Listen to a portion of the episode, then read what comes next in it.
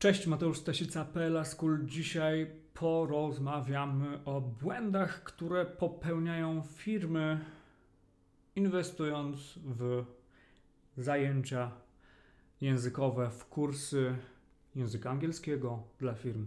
No i pytanie właśnie, czy inwestują, czy tylko wydają pieniądze. O tym w innym materiale, a dzisiaj o ośmiu błędach, które niestety sprawiają, że jakość i efekty tych usług są na bardzo niskim poziomie. Pierwszy problem to uniwersalność szkoły. Drugi to nieustalanie celów. Trzeci to brak kontroli postępów. Czwarty problem, który omówię, to jest niedopasowanie szkoły do danej firmy. I piąty z kolei problem to niewykorzystywanie obszarów neurolingwistyki i psycholingwistyki. W szóstym punkcie przejdę do kwestii automatyzacji wszystkiego dosłownie co możliwe i niestety zachłysnęliśmy się bardzo mocno technologią już wiele, wiele lat temu. W siódmym punkcie nawiążę do nauczycieli i mentorów językowych, czyli kto naucza w danych szkołach. I ósmy, ósmy punkt to będzie traktowanie nauki języka jako właśnie dodatek, czyli ta drobna różnica między benefitem a inwestycją, o czym bardzo, bardzo dużo w ostatnich materiałach wspominam. Więc leczmy pierwszy problem, to był jaki? To była uniwersalność. Czyli zastanówmy się, ile szkół prowadzi zajęcia dla niemowlaków, noworodków, dzieci, uczniów szkoły podstawowej, młodzieży, studentów, dorosłych, seniorów. Pełen wachlarz możliwości. Ile szkół językowych dla firm organizuje zajęcia dla hotelarzy, sprzedawców, programistów, kurczę, do tego wszystkiego cukierników, opiekunek do dzieci i jeszcze kurwa wojskowych. Come on. Ile szkół organizuje kursy przedwakacyjne, powakacyjne, przedzimowe, przedświąteczne, przedwielkanocne i inne przed? A ile szkół świadczy usługi spersonalizowane, ułożone dla kilku konkretnych grup czy person? Zastanów się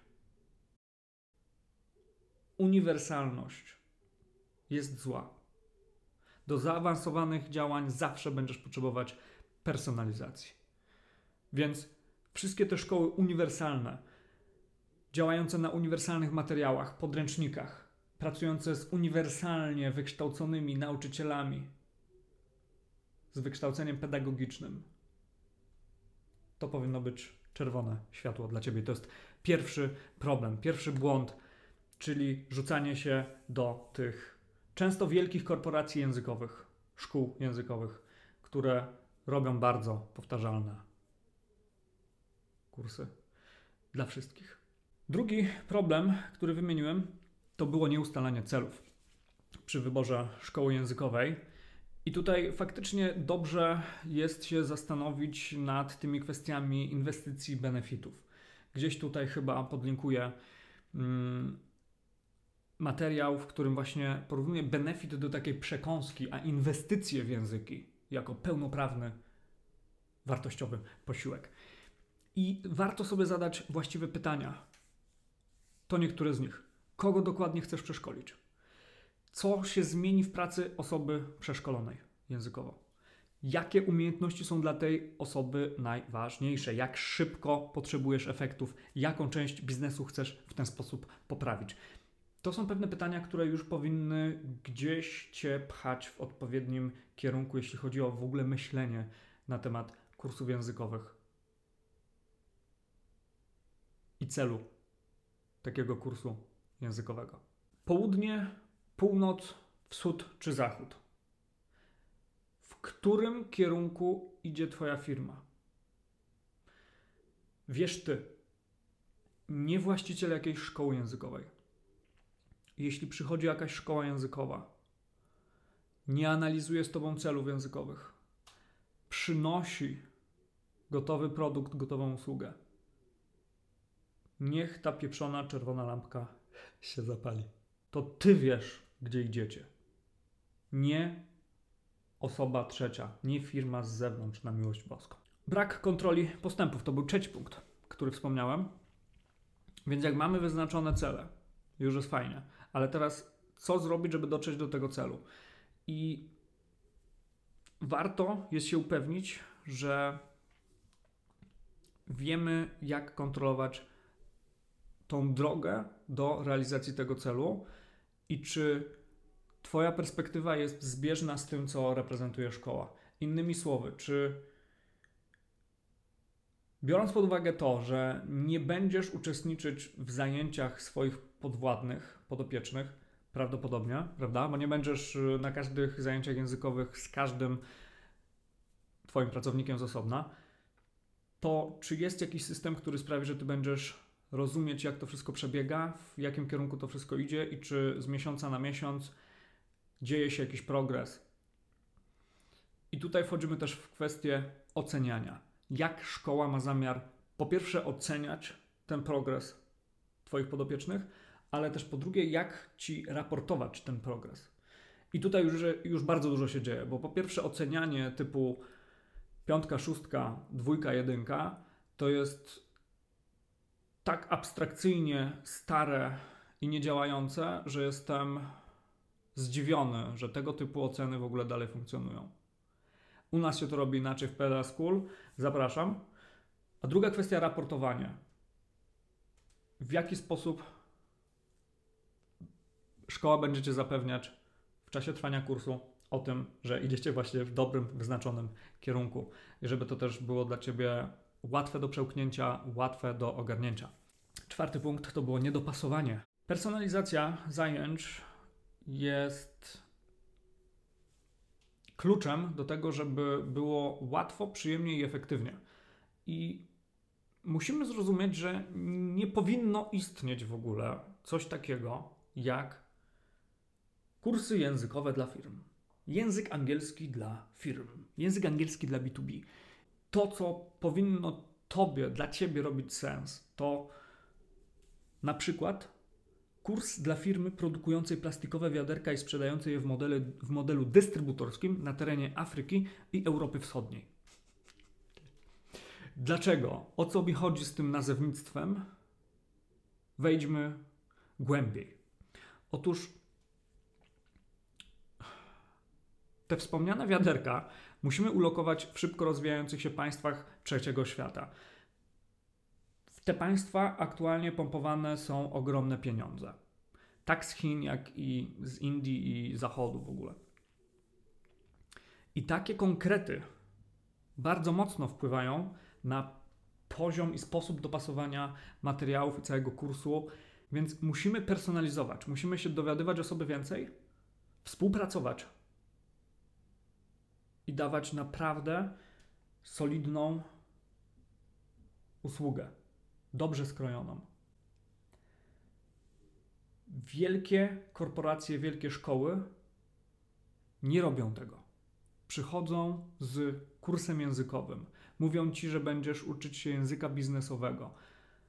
Będziesz klepać treści biznesowe, ale czy to będą treści z Twojego biznesu, z Twojej niszy, czy to będą treści angażujące dla Ciebie? Niedopasowanie jest ogromnym błędem, na który pozwalają sobie firmy.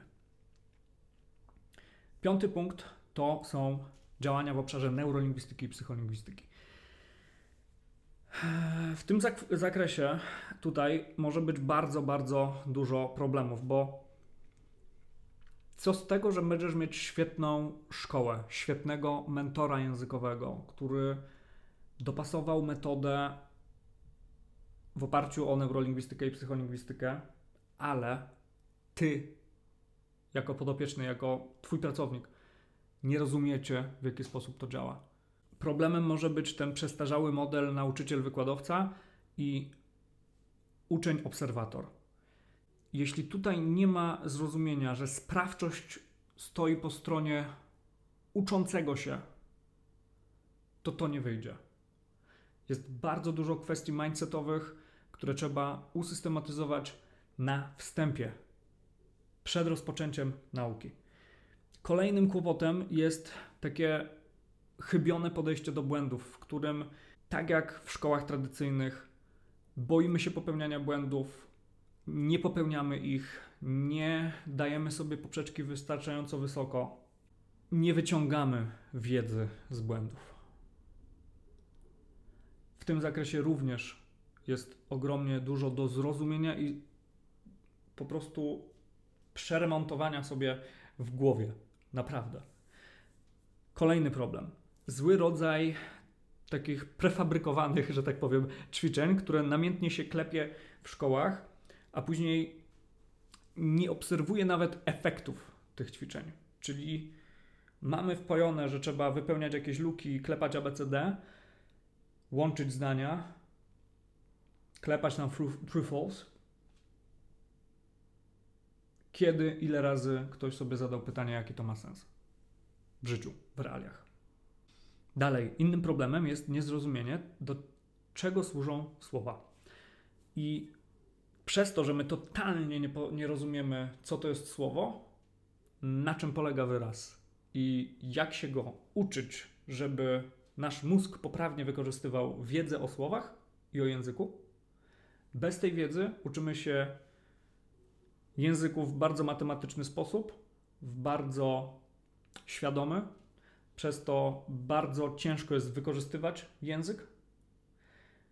I w rezultacie bardzo dużo tłumaczymy w głowie, zacinamy się, mamy problemem, mamy problemy z, mm, bardzo dużym problemem jest zrozumienie spontaniczności języka i wejście w tą spontaniczność języka. Więc totalnie nie potrafimy uczyć się słów. Mamy listę słówek i ją klepiemy na pamięć. Tego rodzaju zapamiętywanie jest przydatne na egzaminach, w krzyżówkach. W sytuacji, w której masz pewne myśli mówisz, tak jak ja teraz mówię do kamery, albo w rozmowie, w negocjacjach, kiedy jedziesz samochodem i tak naprawdę w międzyczasie kręcisz kierownicą, włączasz kierunkowskaz, grzebiesz gałą od biegów, puszczasz gaz i dociskasz sprzęgło, a w międzyczasie jesteś w stanie po pierwsze obserwować, co się dzieje na ulicy i jeszcze rozmawiać ze swoim partnerem, partnerką, co zjecie na śniadanie, albo kolację, albo obiad, to jest wykorzystanie języka.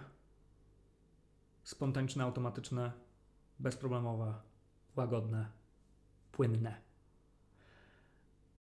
Mało kto potrafi się uczyć języka obcego, żeby w taki sposób wykorzystywać język. A do tego dążysz. Tego byś na pewno chciał, chciała dla siebie czy swoich pracowników. Nie bierze się pod uwagę tego, jak pracuje właśnie mózg, kiedy komunikuje w języku obcym i tutaj tak naprawdę ucinam tą listę, wymieniłem z pięć rzeczy. Tego jest naprawdę wiele. Tego jest zbyt wiele, żebym ja to opowiedział w tym jednym materiale. Więc przestaję wymieniać i przytaczam po prostu interdyscyplinarne nauki psycholingwistyki i neurolingwistyki. To są całe obszary nauki, więc w to można wejść i nie wychodzić. Podsumowując ten przydługi wywód w tym naszym piątym punkcie, zadawaj pytanie, pytania swoim szkołom, z którymi chcesz, możesz współpracować. Czy czerpią w ogóle z psycholingwistyki, z neurolingwistyki? Jak prowadzą zajęcia? czy dostaniecie wdrożenie do tego, jak się uczyć poprawnie, a jak się absolutnie nie uczyć, na czym to wdrożenie będzie polegało. My robimy takie wdrożenie, ono trwa ponad 3 godziny i jest, ja nawalam mięchem przez te 3 godziny i dzięki temu po takim wdrożeniu wiesz, co robić, a czego nie robić między zajęciami, jak traktować zajęcia z mentorem językowym, a później jak wykorzystywać język w komunikacji, jak to się odbywa, jak patrzy na to Twój mózg, jak działa podświadomość w nauce języków? Jak działa świadomość? Jak tworzyć pewien pomost pomiędzy jednym i drugim obszarem.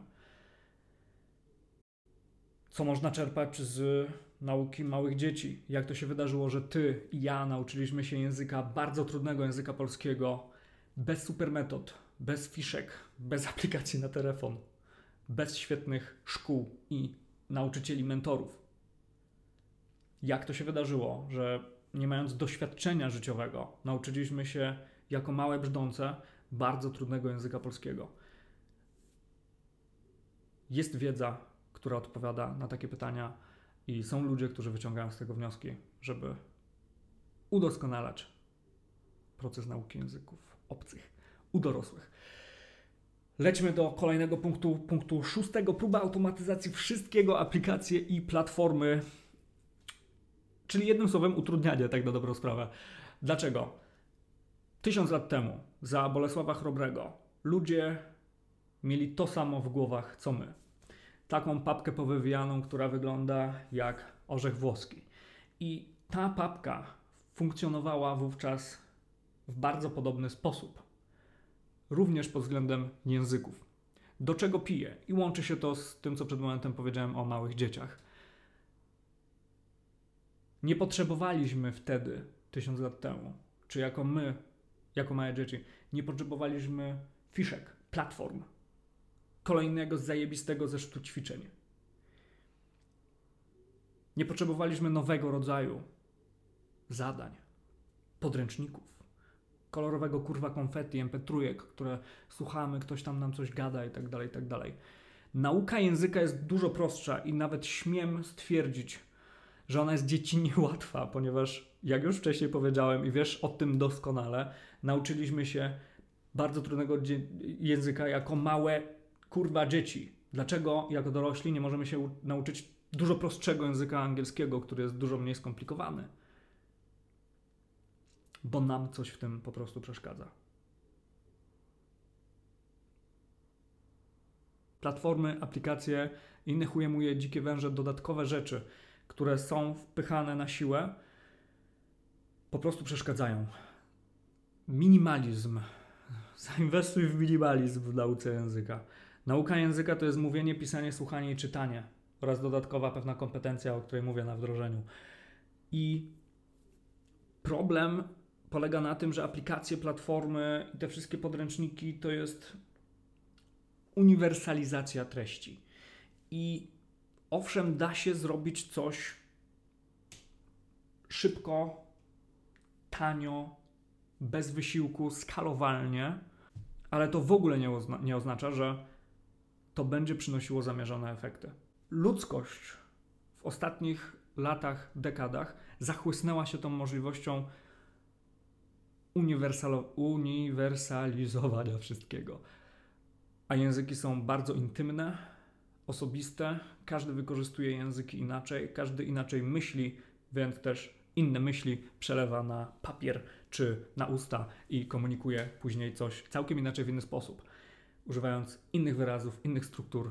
Zadbaj po prostu o to, by zaznać prawdziwej komunikacji i uczenia się prawdziwego języka, a nie uczenia się nowych platform, nowych aplikacji, patrząc na fajniejsze obrazeczki, na fajniejsze grafiki. Bo w życiu język wykorzystuje się inaczej. Nie w aplikacjach, nie na telefonie, nie w podręczniku, nie wykorzystuje się go poprawiając po kimś zdania, nie wykorzystuje się go wypełniając luki. Nie wykorzystuje się języka mówiąc ABCD.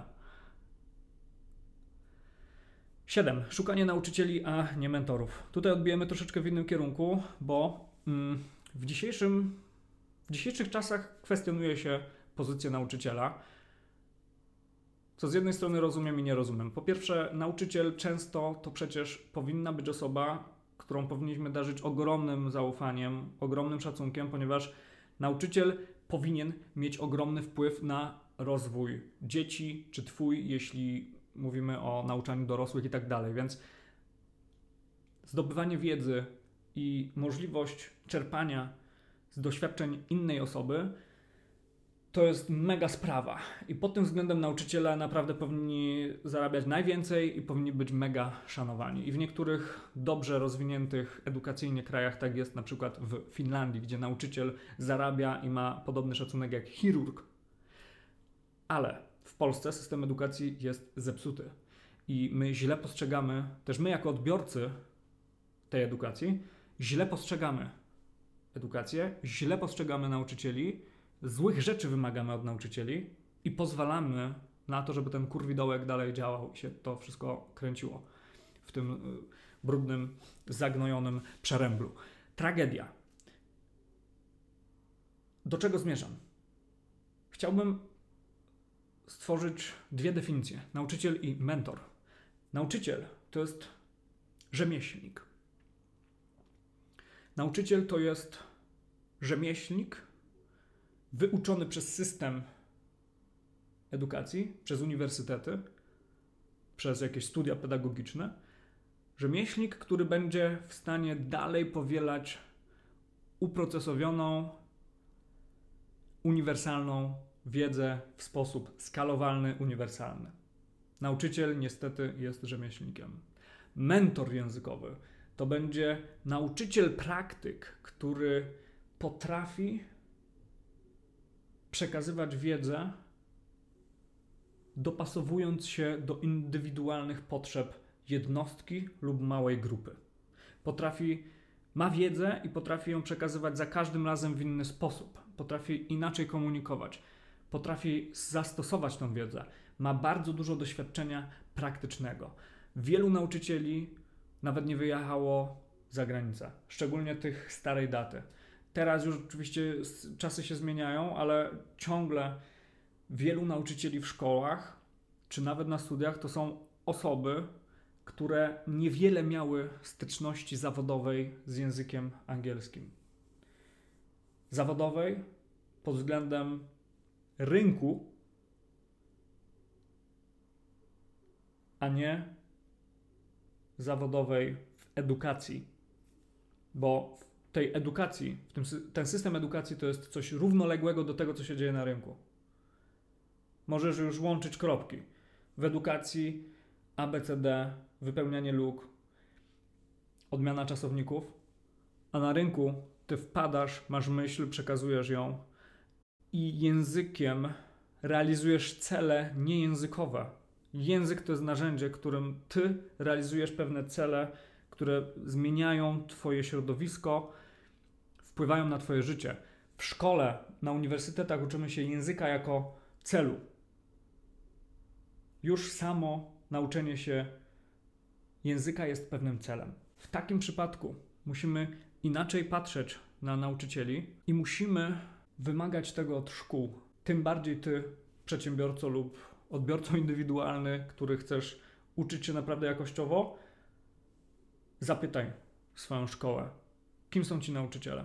My na przykład w PLA School w ogóle nie zatrudniamy ludzi, którzy mają wykształcenie pedagogiczne. Dla nas są oni skażeni. No niestety, jakkolwiek dziwnie to nie zabrzmi, te osoby tak mocno zazwyczaj wpadły w pewne ramy i schematy, że nie chce mi się rozwalać tych schematów. Nie chce mi się niszczyć pewnych przyzwyczajeń i postrzegania języków. Wolę pracować z ludźmi, którzy są mentorami i praktykami. Ósmy punkt. Traktowanie nauki języka jako dodatek to już ostatni punkt. I tutaj jest bardzo dużo Twojej winy, niestety, drogi przedsiębiorco lub specjalisto, osoba, która, która chce się uczyć języka obcego. Dużo Twojej winy, bo nie wiesz, bo nie masz rozeznania.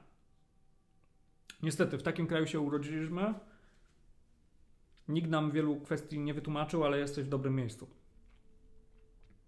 Twoja wina jest w tym, że nie wiesz, że może być lepiej. Twoja wina jest w tym, że można wymagać więcej. Twoja wina jest w tym, że wydajesz pieniądze na przykład na benefity, nie traktując takich zajęć językowych jako inwestycja, albo wydajesz pieniądze na zajęcia grupowe, tanie, które po prostu jest ich więcej i patrzysz tylko na ilość i na ilość wydanych pieniędzy, a nie na realizację celów. Nie patrzysz na jakość. I to jest Twoja w tym wina. I ta wina może wynikać z różnych kwestii. Twoja niewiedza wynika z tego, że nie masz czasu się edukować. Może też wynikać z tego, że niestety jest ci tak wygodnie. Mam wrażenie, że słuchając tego, rozumiesz już swoją sprawczość i możesz na to wpłynąć. Na podejście do języków. Nie traktuj nauki języka jako dodatek. Nie traktuj nauki języka jako coś, co ci się przyda. Wiele osób nam przychodzi do szk- naszej szkoły i mówi, że im się język przyda. My nie uczymy na przykład w ogóle praktycznie uczniów, bo rzadko zdarza się uczeń, który ma pomysł na siebie, na przyszłość, na wykorzystywanie języka, co będzie robić po edukacji. Praktycznie zero maturzystów. Czemu? Bo oni nie mają świadomości, nie mają sprawczości. Oni są prowadzeni za rączkę i oni są do tego przyzwyczajeni. Więc przychodzę do szkoły, siadam, rozpierdalam się w fotelu i generalnie rób, żeby było dobrze. I tak ludzie podchodzą do nauki. Ludzie podchodzą przez to, ludzie podchodzą do nauki w ten sposób, że płacą i wymagają. Ale w nauce języków, w nauce jakiejkolwiek umiejętności trzeba się kurwa schylać, trzeba zapierdalać. Jeśli ty nie będziesz zapierdalać, to nic nie osiągniesz. I ludzie, którzy mają totalnie złe podejście do nauki, źle traktują języki obce, wydaje im się, że kupią kolejną książkę, kolejne fiszki, wypierdolą dużo pieniędzy na najdroższy z możliwych kursów i że to coś zmieni. Nic to nie zmieni, dopóki nie zrobisz generalnego remontu w swojej głowie. I ja ten remont tym epizodem rozpocząłem. Albo już rozpocząłem wcześniej, jeśli słuchasz mnie i masz styczność z moimi treściami. Nauka języków to jest inwestycja. Kropka. Koniec cytatu. Musisz to zapamiętać. Przemyśl to i zaplanuj naukę języków jako mądrą inwestycję. Nie kupujesz byle której nieruchomości, nawet jakbyś miał miliardy, nie kupisz byle czego, bo ci się może przydać. Nie. Realizuj cele. Planuj cele, zanim przed... zabierzesz się za długoterminowe przedsięwzięcia, a nauka języka jest długoterminowym przedsięwzięciem i musi być dobrze zorganizowana. Takie możesz problemy napotkać przy wyborze szkoły językowej. Jeżeli masz już szkołę językową, nauczyciela lub planujesz podjąć naukę, wejdź w opis i skorzystaj z bezpłatnej konsultacji. Zrobimy audyt Twoich wyzwań językowych, indywidualnych czy też firmowych i Ci po prostu doradzę, pomogę. Albo zaproponuję nasze rozwiązanie, albo będziesz wiedzieć więcej, jeszcze więcej, czego wymagać od szkół i czy w ogóle języki są Ci potrzebne. Tyle na dzisiaj. Dzięki wielkie za Twoją uwagę. Jesteśmy w kontakcie do następnego razu. Ciao.